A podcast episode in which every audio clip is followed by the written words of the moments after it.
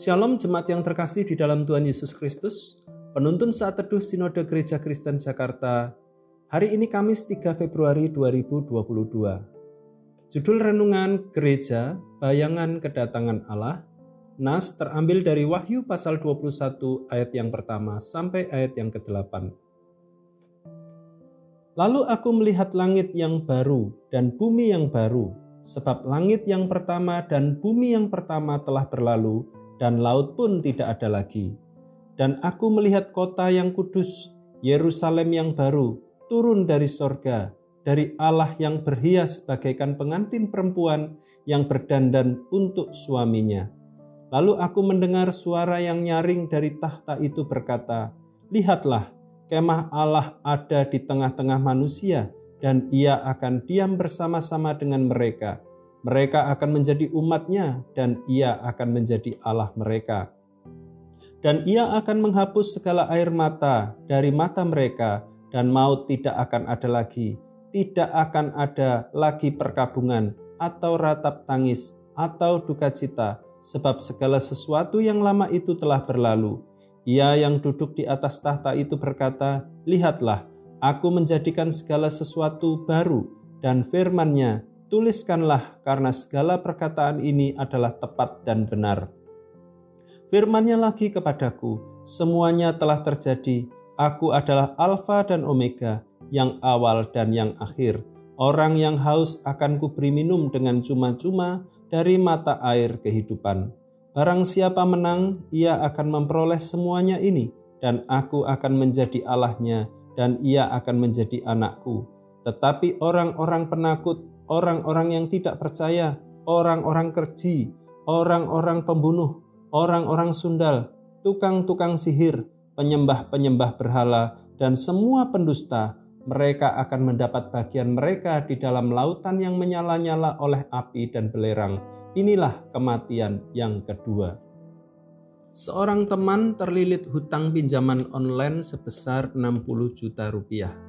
Hutang itu masih terus bertambah karena bunganya yang besar. Di saat yang sama, ia dikeluarkan dari pekerjaannya, sementara ia harus membiayai tagihan rumah dan kebutuhan lainnya. Rasanya dunia dan masa depannya hancur seketika. Setiap pagi adalah neraka baru untuknya Sekalipun sering terbersit di kepalanya untuk bunuh diri, namun sedikit pun tak mempengaruhinya.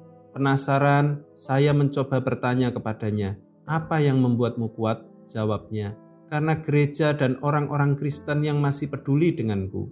Sekalipun tidak bisa mengeluarkanku dari masalah ini, namun perhatian mereka membuatku kuat dan tetap memiliki harapan. Dari mereka saya merasakan cicipan surgawi akan kerajaan Allah yang nanti akan datang dan memulihkan keadaan dunia yang rusak.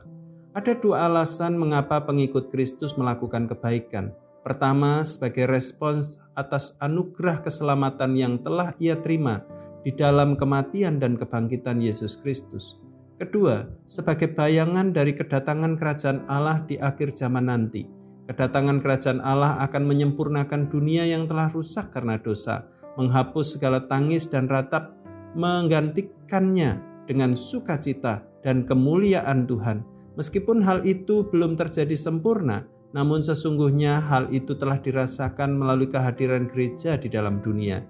Itulah mengapa kita mengenal konsep already but not yet, di mana Yesus Kristus telah menang atas kuasa dosa, kutuk alam semesta, dan pemerintahan iblis serta merupakan masa hadirnya pemerintahan Allah di dunia yang akan mencapai kepenuhannya di langit dan bumi baru. Gereja bukan sekadar institusi atau gedung. Gereja adalah orang-orangnya. Setiap kita adalah gereja. Jika demikian, maka di mana pun kita berada, seharusnya kita menghadirkan sense of kingdom of God. Bagaimana kepedulian kita terhadap kaum yang tertindas, mereka yang terpinggirkan, atau sekadar merawat alam ciptaan Tuhan dengan bertanggung jawab merupakan langkah menghadirkan kerajaan Allah. Pertanyaannya, sudahkah orang di sekitar kita merasakan hal itu? Kehadiran kita adalah bayangan akan kerajaan Allah yang akan datang. Selamat beraktivitas, Tuhan Yesus memberkati.